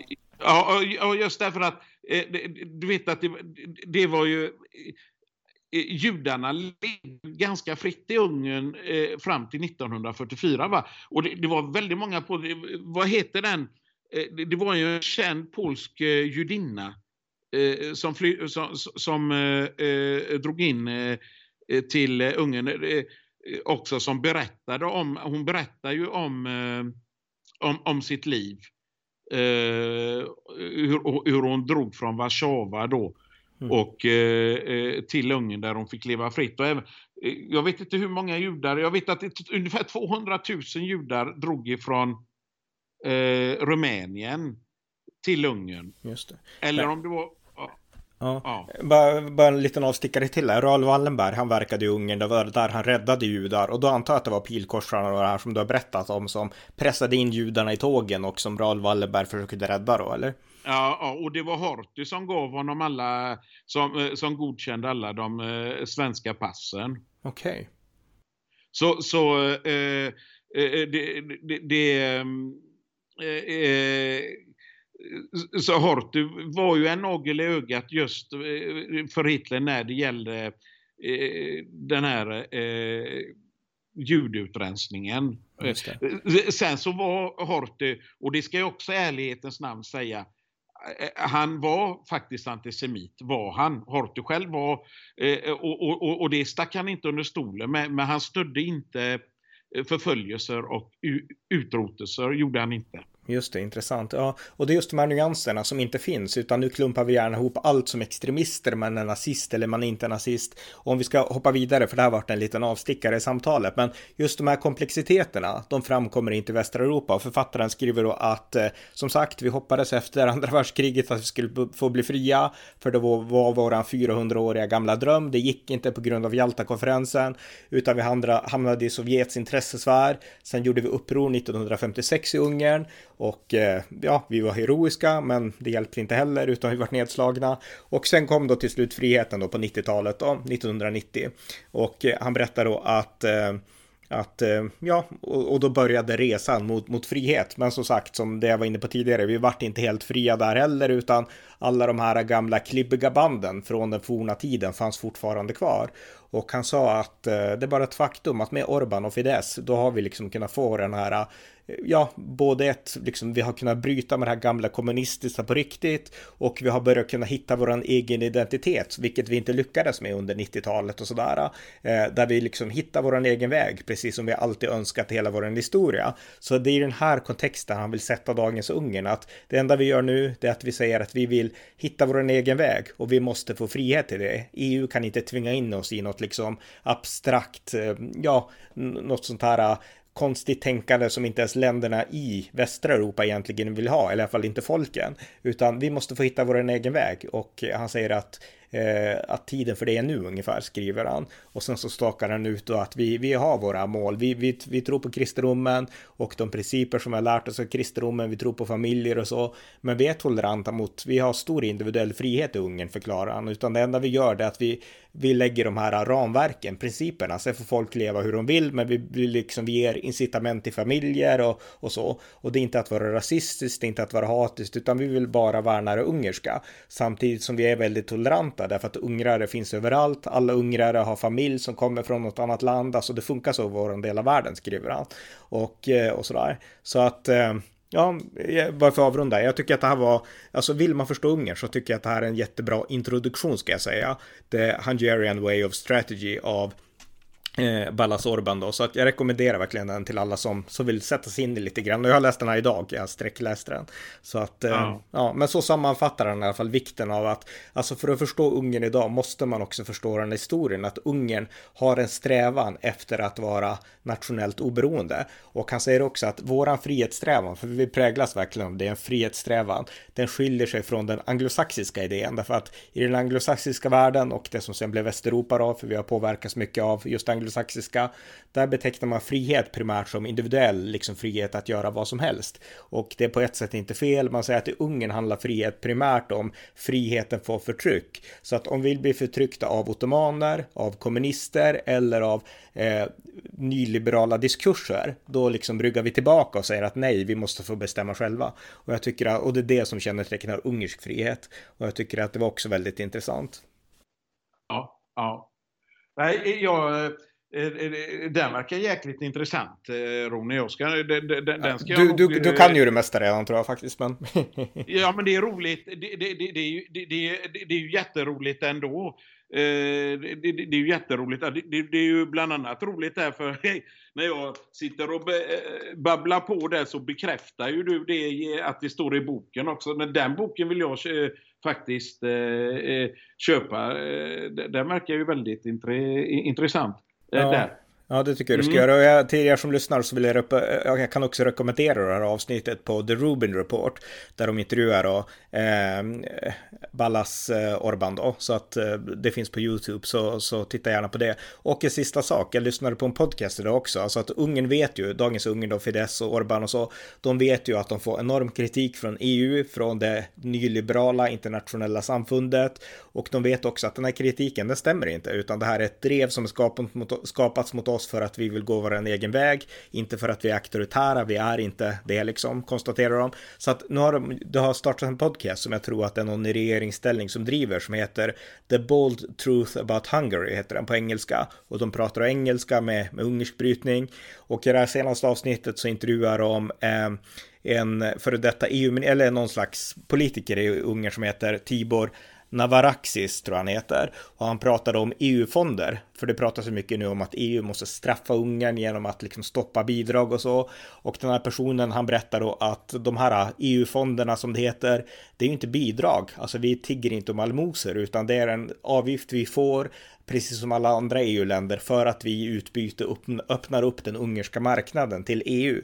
Så att, att EU använder här i politiska syften bara för att de inte gillar vår politik eller för att de inte tycker om att vi, eh, ja, utifrån folkviljan, för han säger att det är folkviljan verkligen i Ungern och det gäller alla frågor, även vi pratade tidigare om det här mot att stoppa LGBT-propaganda för barn och han konstaterade att vi gjorde ett folkval om det här och det var fler som röstade för att vi skulle driva den här politiken än det var, som, än det var folk som röstade för att vi skulle ansluta oss till om det var NATO eller EU liksom. Alltså allt vi gör grundas i folkviljan. Vi kör inte över folk och eh, när då EU ändå behandlar oss som att vi vore någon slags paria Eh, då använder de de här EU-pengarna extremt politiskt och det tyckte han var fel och det här är någonting som de vill berätta på engelska för att det här förstår inte Västeuropa ungefär. Nej, det, det, just de pengarna eh, som man eh, pickar på där, det, det var ju pengar som EU lovade eh, redan när det var EG, vet du. Och då ville ju, det var ju eh, speciellt tyskar och fransmän som ville åt den, eh, som ville åt den ungerska marknaden. Och, och, och, och det, och det var ju innan man pratade om att Ungern också skulle eh, bli medlem av EU. Och då, lova, och då var det så här att EG, eh, eh, då med Frankrike och Tyskland, de, de, de två stora då, lovade de här pengarna. Alltså att EG skulle betala de här pengarna eh, till Ungern också. Va? Så, så det är... Ja, det, det är inte allmosor ja, ja, helt enkelt. Jaha? Det, det är inte allmosor. Nej, det är inte allmosor. För, eh, med tanke på att tyskarna och franska företag nästan har, har, har lyckades köpa upp allting Eh, eh, här i Ungern så har ju ungrarna med råge, eh, med råge gett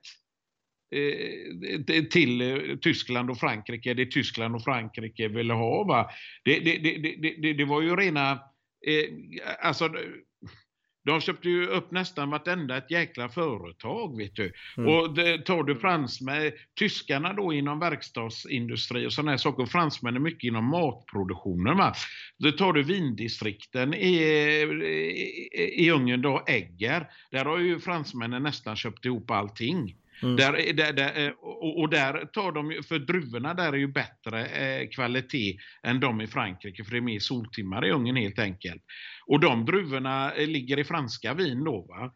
Och, och du har även sådana här, ja, det, ta, eh, sen så lyckades fransmännen eh, stänga ner nästan alla ungerska sockerbruk. Ungrarna var ju exportörer utav socker. Ah, ja. Och fransmännen gnällde ju då att, att, att det var Eh, vad heter det, eh, dålig konkurrens eller vad man ska säga. Eh, men, men, men, för att, vi, vi, vi behöver kanske inte gå in på det här detalj nu, utan bara för att avrunda, så man kan knyta samman, alltså om vi ska förstå Ungern historiskt så måste vi gå bortom den här att allt bara handlar om nazism och inte nazism under andra världskriget. Men här idag så måste man kanske också tänka att allting handlar inte bara om liksom extremism, utan det finns intressekonflikter också. Det är inte bara liksom, utan intressekonflikter som döljer sig bakom moraliska täckmantlar som man gärna tar till här i västra Europa. Men en, en sista sak som jag tänkte nämna också, som man också skriver om, det är ju att vi var inne på att Ungern har förlorat en tredjedel av sitt land. Och det finns två ju... tredjedelar. Ja, två tredjedelar, okej. Okay. Och de lever i andra liksom länder nu,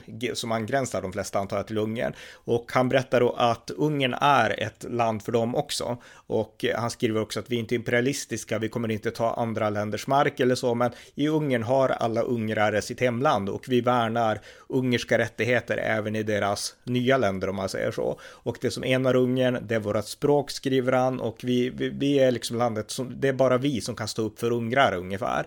Och eh, det tyckte jag också var intressant, för det är ju nästan lite samma inställning som Israel har till judar, alltså att alla judar kan komma hem till Israel om det skulle krisa, och lite samma inställning av Ungern till, till ungrarna, även om de lever i andra länder. Och jag tycker att det här visar verkligen, för han betonar att nationen är den yttersta trygghetsgaranten för medborgare, och det är någonting som Sverige aldrig har tänkt på. Och han ger då exempel på just ungrare som finns i andra länder då, att skulle de bli förtryckta eller något hända kan de alltid komma till Ungern. Och jag menar Sverige, vi, vi tänker inte ens så, att nationen är vår våra medborgares yttersta beskydd. Så jag tyckte också att det var, det var intressant.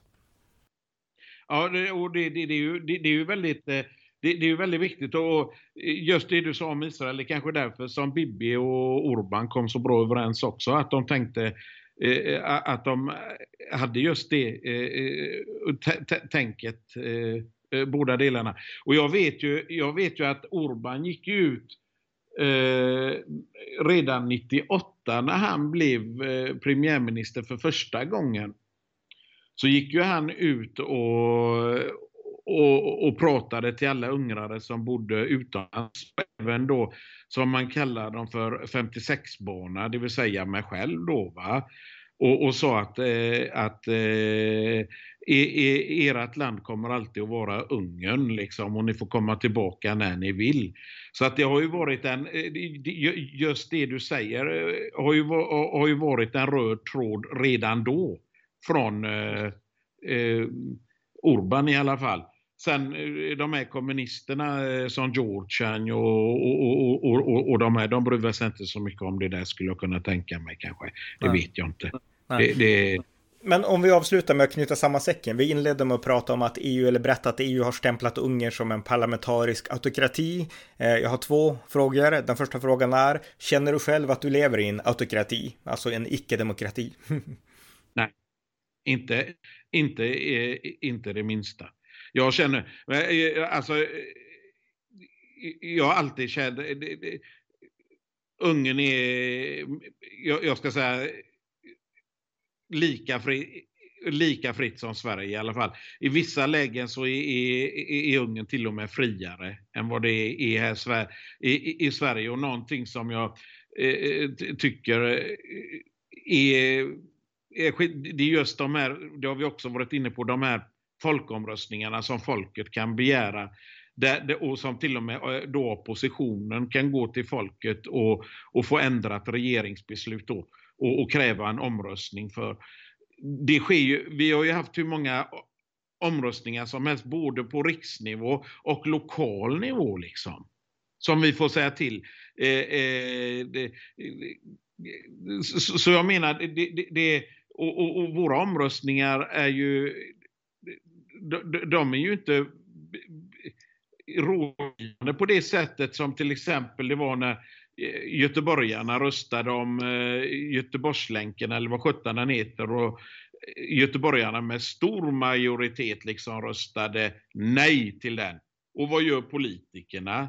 De driver igenom den trots en stor... Så, så, så, så liksom, vad ligger...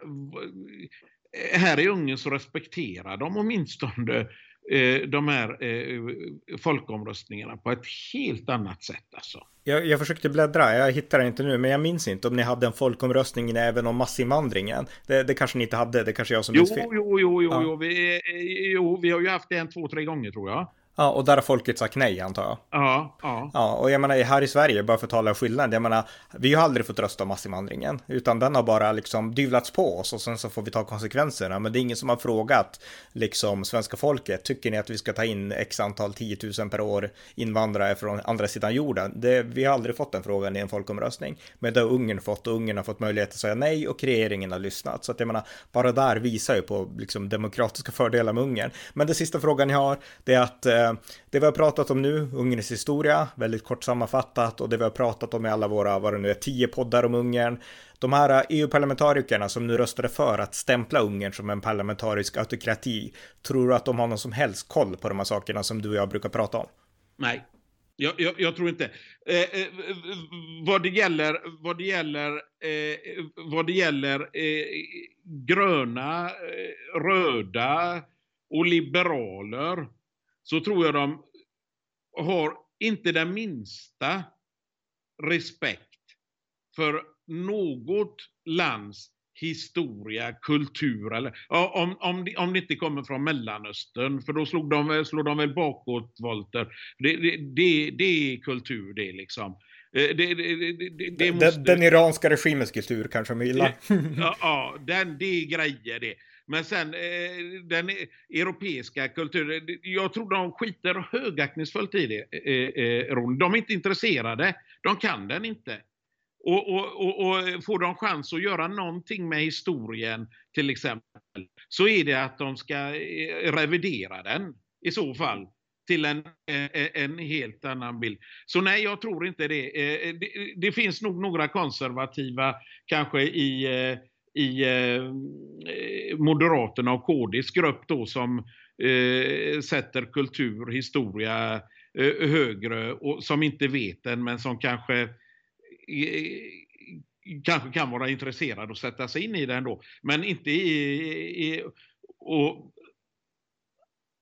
men inte i de här eh, eh, röda, gröna, liberala grupperna. Det, det, eh, det, det, tror jag. De ska driva igenom sin sak. För dem så är för dem så är ideologin det viktigaste, deras vilja det viktigaste. De pratar om liberal liberal eh, eh, demokrati och så har de sagt att Ungern är en illiberal demokrati. Så, Ungern är ju ett folkstyre, där får ju folket för bövelen säga till och regeringen gör vad folket säger och även på lokal nivå så gör de lokala styrande vad folk, borgmästare och så vidare och så vidare. Och om då måste det betyda att liberal demokrati betyder elitstyre då. Mm. Där där de eh, politikerna säger till och, och, och, och, skiter i det. är ju bara att titta på vad han han är ju vidrig den, Göj von Hofstadt eller mm, vad, vad, han mm. heter. Mm. Eh, tänderna på tork vet du.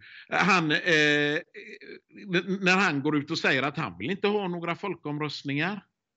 Det, det, det, det visar ju att de inte har någon Eh, ha någon eh, överhuvudtaget eh, respekt för. Ja, men, och han, han är ju en federalist som vill se ett Europas förenta stater och den här Ballas Orban han skriver att det är just den här uppdelningen som nu finns i Europa, alltså att om man inte för den här eh, liksom utopiska historiesynen som är, det är inte samma vision som marxisterna hade, men det är just den formen av att historien har ett slutmål, vi ska skapa något överstatligt och något federalistiskt. Om man inte är inne på den linjen, vilket Ungern inte är och vilket folk i stora delar av Europa inte är, då är är man bara i vägen. Då är man ett hinder och man kan liksom, det, det, det ger de här federalisterna, EU-federalisterna legitimitet att bara köra över dem och klassa dem som onda. Så att jag menar, där har vi det exemplet och det är alltså det Europa som växer fram, det här federalistiska Europa, det är en ny form av europeisk imperialism. Vi lär oss inte av historien, utan det här är bara den nya täckmanteln för den historiska europeiska imperialismen, skulle jag säga. Och Storbritannien, som har sina frihetstraditioner, de har sagt nej till det, för de, de har sina rötter i det anglosaxiska frihetstänkandet. Och Ungern har sagt nej till det, därför att man har sitt nationella frihetstänkande. Men det finns den här federalistiska strömmen som, som alltså ska man bara säga det krass, så är det en ny imperiedröm som växer fram i Europa och den måste vi säga nej till. Och jag tycker att det är spännande att sådana här personer som ändå står så nära Viktor Orbán ändå vågar sätta fingret på det och klarar av det. Därför att han ger ju insikter som vi i västra Europa i mångt och mycket inte har. Därför att vi har inte fått det av, av media och så. Nej, och, och, och sen så måste jag säga alltså lite av det här som han har tagit upp här som du har berättat här i boken. Eh, jag tror att det stämmer också väldigt mycket, många av de här grejerna stämmer ju överens med de andra östeuropeiska eh, länderna då, inte bara Ungern faktiskt. Eh, mm. Den verkar väldigt intressant att läsa. Jag ska skaffa den. Så, ja. så att... Ja. ja. Men ja, precis. Ja, men nu har vi balbat på länge, men jag tror att lyssnarna tyckte att det var intressant och tack till dig Tord Finjak för dina uppdateringar om Ungern är alltid bra och informativa. Så tusen tack för det här samtalet. Ja, tack, tack själv. Ni har lyssnat till amerikanska nyhetsanalyser, en konservativ podcast som ni gärna får stödja på swishnummer 070-30 28 95 0 eller via hemsidan usapool.blogspot.com på Paypal, Patreon eller bankkonto. Skänk också gärna slant till valfri Ukraina-hjälp. Det var allt för denna gång. Stort tack för att ni har lyssnat.